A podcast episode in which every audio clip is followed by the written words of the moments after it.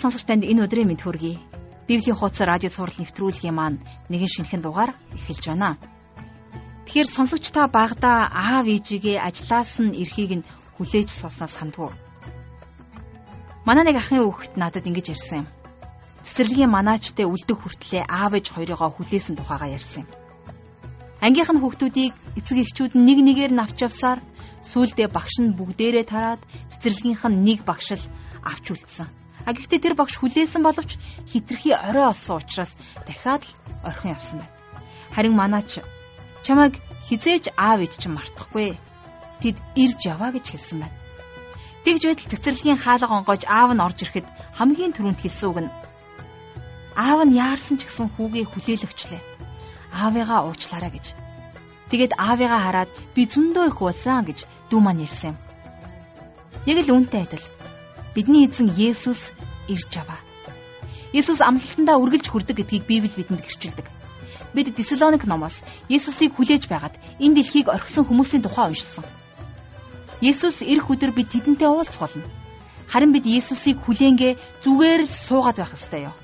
Энэ талаар дэлгэрэнгүй суралцахын тулд хичээл заах багшаа өрөө. Хамтдаа залбирая.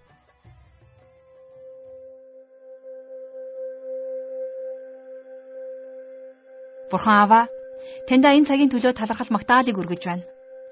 Бид таны үгийг улам илүүгээр таньж мэдхийг хүсэж байна. Тийм ээ эхэзэн минь, та бидэнд өөрийнхөө үгийг өгөөрэй. Эзэн Иесусыг хүсэн хүлээж амьдрдаг тийм л итгэгч хүмүүс болгон биднийг өөрчлөн шинчлээрэй. Бид бас эзэн хэрхэн яаж амьдрах ёстойг та өнөөдрийн үгээрээ дамжуулан бидэнд зааж сургаарай. Тэрхүү үгийг тань марталгүй санаж хэрэгжүүлж биелүүлж амьдрахын тулд ариун сүнсээрээ бидэнд хүч чадал нэгүслийг дүүргэж өгөөрэй. Бүх зүйлийг танд өргөж эзэн Есүсийн нэрээр залбирanгуйж байна. Амен. За бид 1 2 дугаар Тесалоник номыг үзэж судлаад өнөөдрийнхөө хичээлээр 2 дугаар Тесалоник номыг дуусгах болно.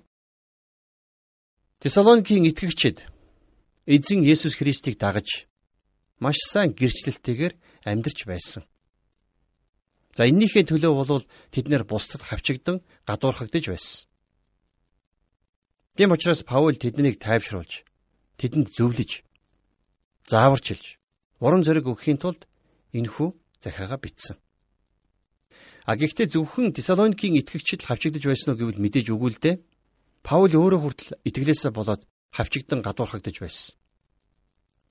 За яг энтэй нэгэн адилаар хэрвээ таач гисэн бас итгэлээрээ бат зогсдог болвол яг Паултай нэгэн адил итгэлээсээ болоод ямарваа нэгэн хохирлыг гарцаагүй амсах болно гэдгийг хэлмээр байна. За өмнөх хичээлээр болвол бид нэр итгэгч хүмүүс Бурхны үгэн дотор бат суйрлагдсан амьдрах ёстой гэдэг талаар үзсэн. А тэгвэл өнөөдрийн хичээлээр бид нар маш практик заавруудыг үзнэ. Өөрөөр хэлэх юм бол бидний өдөр тутмын үйл хэрэг ямар байх ёстой вэ гэдгийг Паул бидэнд маш гайхамшигтайгаар бичиж үлдээсэн байна. Бурхны үгэн дээр бат суурилсан хүний үйл хэрэг ямар байх ёстой вэ гэдгийг өнөөдөр 8 дугаар ишлэлээр хамтдаа үзье. Бид хинийч талхнаас зүгээр идээгүй. Харин бид та нарын хиндэнч дарамт болохгүй тулд өдөр шүнгүй зүдэл зүтгэл дараа дарамттайгаар ажиллаж байлаа гэж Паул 8 дугаар эшлэлдэр бичсэн байна. Тесалоник хотод амьдрах хугацаанд Паул хэний ч талхнаас зүгээр идээгүй гэдгийг хэлсэн. Өөрөөр хэлэх юм бол Паул идсэн хоол хүнснийхээ төлбөрийг хүртэл төлдөг байсан. За тэгээд дараагаар нь бид та нарын хинтэнч дарамт болохгүй тулд өдөр шөнөгүй зүдэл зүтгэл дараа дарамттайгаар ажиллаж байлаа гэж Паул хэлжээ.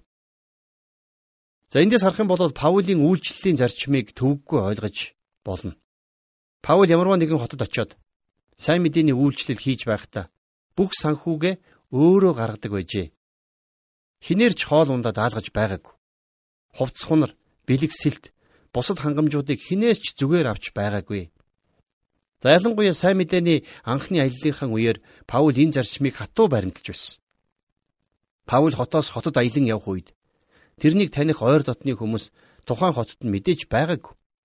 Тийм учраас Паул бүх амьдрал ахуйгаа өөрөө зохицуулдаг байж. Паул очиж байгаа хотынхон шинхэн итгэгчдээс ямар нэгэн санхүүгийн дэмжлэг авахаас татгалздаг байсан. Энийг Паул Тесалоникчуудад болон Коринтчуудад бичсэн загталтаа тодорхой дурдсан байна. Паул өөрөө майхан ойж түүнийг зарж борлуулан өөрийнхөө хэрэглээний санхүүжилтийг босгодог байсан. Харин мэдээж тухайн хот суургуудад чуулганууд байгуулагдаад за тэгээд тэдгээр чуулганууд нь хөлөө олсны дараагаар Паул тэдгээр чуулгануудаар зочлох үедээ тэднээс өгсөн бэлгэсэлт тусламжийг бол хүлээж авдаг болсон. Эдгээр бэлгэсэлтүүдийг Паул өөртөө гэхээс илүүтэйгээр дутагдж гачигдж байгаа өөр хотын чуулгануудыг дэмжихийн тулд хүлээж авдаг байсан. За жишээ нь Паул Галатийн чуулгануудыг өргөл хандив үргэхийг уриалж загталтаа бичсэн байна. За бас Филиппон чуулганы итгэгчдэд бэлгэсэлтийнхэн төлөө талархснаа загталтаа дурдсан байдаг. Ингээд сайн мэдээнийхэн 3 дахь аяллалынхаа үеэр Паул чуулгануудаас хандив дэмжлэгийг цуглуулж Иерусалим хот дох дутагдж гачигдж байсан итгэгчдэд хүргэж өгөх ажлыг гардан гүйцэтгсэн байдаг. Паулийн хувьд бол Есүс Христийг дахин ирнэ гэдэгт бат итгэдэг байсан. А гэхдээ тэглээгээд Паул туйлширсан фанат байдал хизээч гаргаж байгаагүй. Тэр тусмаа санхүүгийн тал дээр Паул маш хянамгай, няхуур, итгэмжтэй, болгоомжтой ханддаг байлаа. Есүс Христийг дахин ирэхийг хүлээж байгаа нь энэ гээд бүх ит хөрөнгөө зараад дээвэр дээр гараад тэнгэр ширтээ твчгсэн тохиолдол түүхэнд цөөнгүй байдаг. Энэ бол үнэхээр тэнэг фанатик үйлдэл шүү дээ. Гэхдээ заримдаа итгэгч хүмүүс бид нар Христ сэтгэлийг өөрсдөө гажуудуулж гадны хүмүүст буруу зүрх ойлголт төрүүлэх үйлдэлүүдийг өөрсдөө хийж байдаг. А гэтэл үүрэндээ Есүс Христийг дахин ирнэ гэж үнэхээр л хүлээж байгаа юм бол хамаг юма зараад тэнгэр ширтээ твтэх биш. Харин ч эсрэгээрээ шаргуу хөдлөмөрлж, бусдад илүү үйлчилж, Бурхны хайрыг илүүтэйгээр бусдад харуулan амьдрах нь та бидний хувь тавилан. Хэрвээ та Есүсийг дахин ирнэ гэж итгэжил байгаа бол та түүний төлөө шаргуу ажиллаж хөдөлмөрлөх болно. Бурхнаас танд өгсөн үйлчлэлийг бүх хүчээрээ хийж эхлэх болно. Та Бурхны үгийн үрийг энэ дэлхий дээр улам илүү цацах болно. Яагад гэвэл Есүс Христ ирнэ гэсэн Тэр л итгэл үнэмшил Библиэлд байгаа өөр ямар ч үннээс илүүтэйгээр та биднийг Бурханд гал цогтойгоор үйлчлэхэд түлхэж байдаг юм аа. За хамтдаа одоо 9 дугаар ишлэгийг уншийе. Бидэнд эрх мэдлгүүдээ бус харин та нар биднийг дуурайг гэж өөрсдийгөө та нарт үлгэр дуурайл болгосон юм аа. За энэ үгийг аан гэд анхааралтай сонсоосой гэж би таныг хүсэж байна. Паулийн хувьд Тесалоникийн чуулганыг өөрөө байгуулсан. Тэдгээр итгэгчдийг өөрөө эзэн рүү удирдан дагуулсан. За тэгээ дээрэс нь харь үндэстнүүдийн илч болон бурхнаар томилогдсон хүнийхээ хувьд ч гэсэн аваад үзсэн Паулд ингэж хэлэх бүрэн эрх мэдэл нь байсан. А гэхдээ энэ үгийг хэлэхдээ Паул өөрийг нь мухар сохроор дагдаг тууширсан фанат хүмүүсийг бий болгохын тулд хилээг нь мэдээж. Заримдаа итгэгч хүмүүс сүнслэг байгаа нь энэ гээд итгэлтэй байгаа нь энэ гээд дэндүү туйширсан бодлогогүй үйлдэлүүдийг ихээр хийдэг. Тэд нар Бурхны үгэнд болохоор нэг их анхаарал хандуулдаггүй. Бурхны үгийг шимтэн судалдаггүй. Тэгсэн хэрнээ өөрсдийгөө маш сүнслэг хүмүүс гэж бодчихсон байдаг. А гэтэл би хувьдаа бол үнэхээр сүнслэг хүн юм бол харин ч Бурхны үг рүү илүү татагдах болно гэж итгэдэг. Жинхэнэ сүнслэг хүн хизээч Бурхны үгийг судлах цагийг үл тоох ёсгүй. Тэгээ заримдаа ийм фанатик байдлаасаа болоод итгэгчид бусдыг чирэгдүүлээ зогсохгүй өөрсдийгөө ч хохироодог. Бурханд итгэж байгаа нь энэ гээд ямар ч санхүүгийн дэмжлэггүйгээр илгээлтийн талбар руу яваад яадгаа алдаад ирсэн гэр бүлүүд илгээлтийн эзэд олон байдаг шүү дээ. Сүнслэг байгаа нь энгээд бурханлаг мэрэгэн зөвлөгөөг үл тоож өөрсдийнхөөрөө зүтгээд алдаа гаргасан тохиолдол ч гэсэн олон байна. Харин Илж Паулийн хувьд илгээлтийн үйлчлэлийг маш практик амьдралд ойр байдлаар хийдэг байсан. Паул өөрийн гараар хөдөлмөрлөж шаардлагатай санхүүгээ босгодог байсан. Энүүгээрээ Паул Тесалоникийн болон бусад итгэгчдэд үлгэр дуурайл үзүүлж байсан. За Паулийн хэлэх гээд байгаа санааг бид нар дараачийн ишлэлээс илүү тодорхой харах боломжтой. Хамтдаа 10 дугаар ишлэгийг уншийе. Бид та нартай хамт байхдаа хүртэл хэн ажил хийхийг үл хүснэ тэр нь бүү идэг гэж тушаадаг байсан. Есүс Христийг дахин ирнэ гэж итгэж хүлээж байгаа итгэгч хүн бол зүгээр нэг хоосон мөрөөдөгч байх ёсгүй. Харин ч шаргуу хөдөлмөрлөгч байх учиртай. Ажил хийвэл ам тосноо гэж монголчууд ярьдаг шиг Паул ажил хийхгүй бол ам тослохгүй гэсэн зарчмыг хэлж байна. Бид нэр туйлширсан фанатик байдлаар биш. Харин амьдралд ойр бодтойгоор бурханд итгэх нь чухал. Тэгэхээр бид нар Есүс Христийг хүлээх зураа зүгээр суух биш. Харин шаргуу хөдөлмөрлөх ёстой. Паул энийг л бидэнд дахин дахин сануулсаар байна. Бид нар эзэн Есүсийг дахин ирнэ гэж бат итгэж байгаачлан түүний үг, түүний үйл хэрэг дотор бат суйрлагдах ёстой гэдгийг Библи бидэнд сануулсаар байгаамаа. Хин ажил хийхийг үлхүүлсэн тэр нь бүү идэг гэж Паул хэлж. Тесалоникийн итгэгчдийн хувьд Есүс ирэх гэж байгаа юм чинь гэд ажил төрлөөс хойш суудаг туйлширсан фанатик нөхдүүд мэрсэр гарч ирсэн. Тэд нар ажил амьдралаа орхиод үлдсэн амьдралаа Есүсийг хүлээж өнгөрүүлнэ гэж шийдсэн байсан. Харин Паул Тесалоникчуудад хэлэхдээ тэр нөхдүүд ажил хийхгүй байгаа бол тэднэрт хоол битгий өгөө гэж хатуу сануулсан байна. Цааш нь 11 дугаар ишлэл дээр Учир нь та нарын дундаас зарим нь залхууран амьдарч ажил огт хийхгүй харин бусдын хэрэгт оролцож байна гэж сонслоо. За энд Паул тухайн үеийн Тесалоникийн чуулган тохиолдод байсан нөхцөл байдлын талаар тодорхой хэлсэн байна. Тесалоникийн зарим итгэгчид залхуурч ажил төрөл хийхгүй Есүсийг хүлээж байна гэд зүгээр л суугаад байсан. Тэд нар Бурхны үгийг бусдад хуваалцах тал дээр юу ч хийхгүй байсан. Бусдад тустай юу ч хийхгүй хэрнээ чуулганда дарамт дараас болсон тийм итгэгчид Тесалоникийн чуулганд мэрсэр байсан байна. За Библиэлд нэг үгсэн ялаа үнэрт тосыг бүхэлд нь муутгадаг юм а гэж хэлсэн байдаг. За энийг монголчилж хэлэх юм бол нэг үхрийн ивэр дөргөл мянган үхрийн ивэр дөргөнө гэж байдаг шүү дээ. Тэгэхээр энтэй нэгэн адилаар чуулган дотор байгаа нэг туйлширсан нөхрөл бүхэл бүтэн чуулганы сүнслэг байдлыг үүмүүлэх боломжтой байдаг. Тийм л учраас Паул Тесалоникийн итгэгчдийг ёс бусыг үйлдэгч залах уу хойрог хүмүүсээс хол байгаарэ гэж тушаасан юм. 12 дугаар ишлэлдэр Паул үргэлжлүүлээд тийм хүмүүсийг дуугүй хөдөлмөрлөж өөрийнхөө талахыг эдхийг эзэн Есүс Христ дотор тушаан ятгах байна. За Паулийн энэ тушаал танд магадгүй тийм ч сүнслэг санагдахгүй байж болох юм аа. Гэхдээ энэ тушаал бол үнэхээр амьдралд ойрхон тушаал юм. Өөрсдийнхөө сүнслэг байдал туушраад амьдралаас тасарчихсан итгэгчид энэ үгийг дагдагсан бол үнэхээр олон чуулганы үнэхээр олон асуудал шийдэгдгсэн гэж би хувьдаа бодож байна. Та нэг зүйлийг мэдэх үү? Ихэнх чуулган дээр хамгийн их асуудал үүсгдэг. Хамгийн их хил ам гаргадаг. Хамгийн их ховжив ярьдаг хүмүүс Үнэн дээр чуулганд хамгийн бага хувь нэмэр оруулдаг. Хамгийн бага өргөл өргөдөг хүмүүс байдаг. Тэгэхээр тухайн үед Тесалоникийн чуулганд ч гэсэн ийм яршигтай хүмүүс мэрсэр байсан. Харин тийм хүмүүст хандаж Паул юу гэж хэлсэн бэ? Олон юм ярилгүй хөдөлмөрлж, хуваа борлуулж, довоо шарлуулад явж бай гэж хэлсэн байна, тийм ээ? Тэгсэн хэрнээ бусад итгэгчдэд хандаж Паул юу гэж хэлснийг хамтдаа 13 За үргэлжлүүлээд 14 дугаар ишлэлээс уншъя. Харин ах トゥ нараа та нар сайныг үлдэхдээ бүү цуц. За тэгэхээр нэгдүгürt бол эзнийг хүссэн хүлээж эзэнд итгэж найдаж байгаа итгэгч хүн сайныг үлдэхдээ ядрахгүй байх ёстой. За дараагаар нь 14 дугаар ишлэлдэр хэрв хин нэг нь энэ загтлын үгийг манд дагахгүй бол түүнийг онцлон анхаар ичээхийн тулд түүнтэй бүү нийл. Хэрвээ чуулганд нь байгаа асуудал үүсгэгч хүмүүс Паулийн үгэнд орохгүй байгаа бол тэднээс зайгаа барих хэрэгтэй гэдгийг Паул энд зөвлөсөн байна.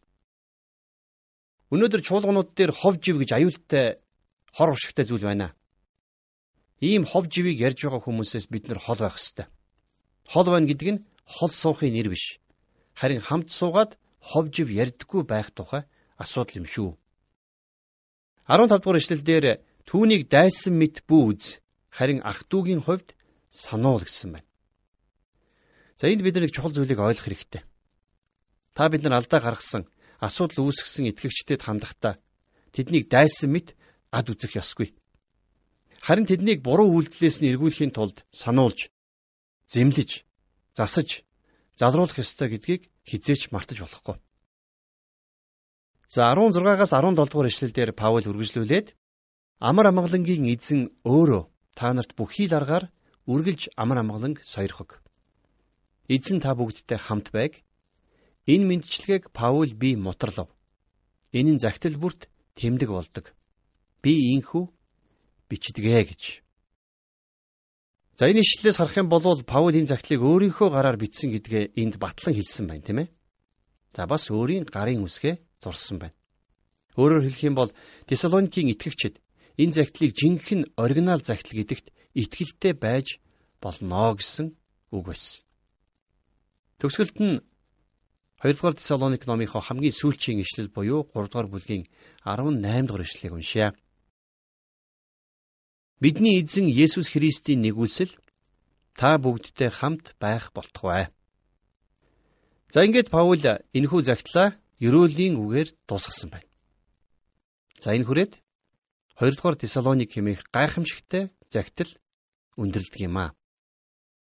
2 дугаар Тесалоник загтал дээр эзэн Есүс дахин ирэх тухай өгүүлэхдээ энэхүү итгэл нь та биднийг гараа хумхиад зүгээр суулгах биш.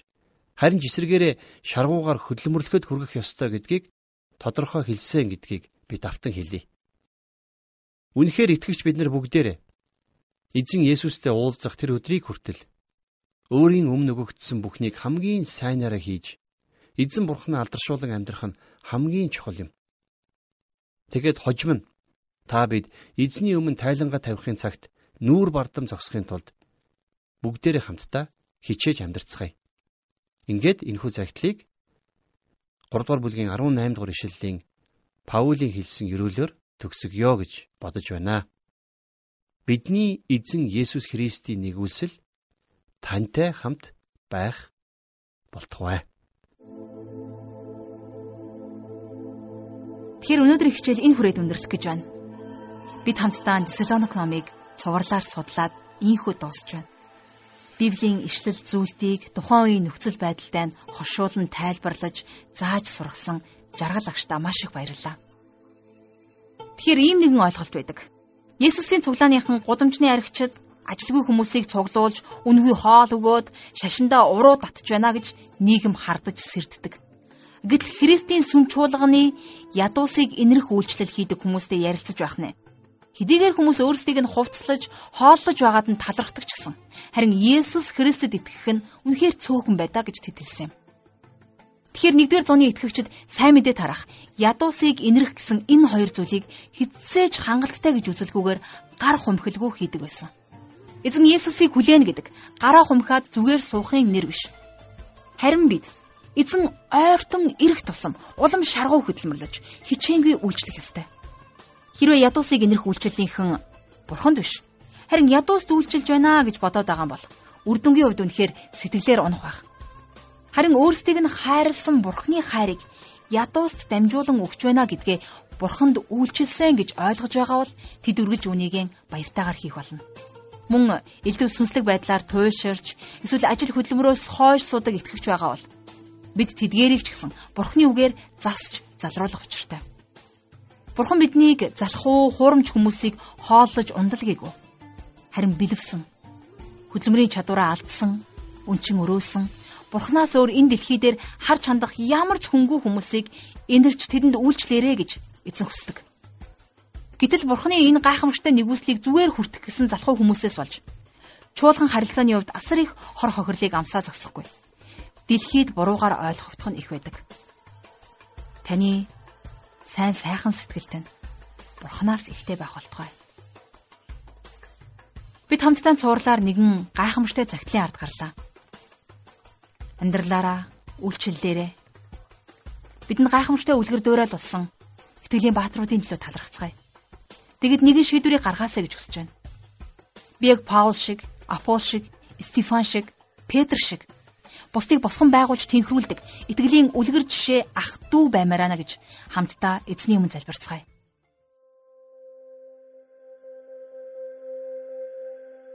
Бурхан Аава таньда баярлалаа эзэн. Үнэхээр таны үгэнд өгүүлсэнчлэн Бид танд итгэж найдаж, таны үгээр амьдрахыг хүсэж байна. Таны тушаалуудыг сахин биелүүлж, таныг алдаршуулан амьдрахад бидэнд туслаарай. Эзэн Есүс Христийг хүссэн хүлээж амьдрдаг байхыг хүсэж байна. Ингэхдээ бид гараа хумхиж зүгээр суух биш. Харин ч эсэргээрээ илүү шаргуу хөдөлмөрлөж, хичээнгүлэн үйлчлэхийг хүсэж байна. Эзэн бурхан минь өнөөдрийг хүртэл цуурлаар үтсэн Тесалоникийн загтлуудын төлөө бас бидэнд өөрсдийнхөө үлгэр дуурайлыг үзүүлсэн итгэлийн бааtruуд үлгэр дуурал болсон тэрл итгэлийн ахан дүүсийнхаа төлөө талархаж байна. Эзэн минь ээ яг энэ цаг мөчөөс эхлэн би харин бусдын хувьд үлгэр дуурал нь байхыг хүсэж байна. Бидний муу зан чанарыг та арилган угаагаад өөрийн сайн зан чанараараа та тордон арчлаад их эзэн минь та үндснүүдийн дунд эзэн та нийгмийн дунд биднийг өөрийн гайхамшигтай хүндэтгэлийн сав болгон дуудаач. Тэгээ бусдын өмнө бусдад бид таны нэрийг гэрчилж таныг алдаршуулан таныг тунхаглаж амьдрахыг хүсэж байна. Бидний амь амьдралаар дамжуулан их эзэмэн та алдарш болтугай. Бусдад урам зориг өгч, бусдад хайр, нэгүслийг, ивэл өрөөлийг хуваалцагчд Бурхны хайрыг дамжуулагч цувгууд байхад та бидэнтэй хамт байгаарай. Бүх зүйлийг танд өргөж, эзэн Есүсийн нэрээр залбирanгуйж байна. Амен.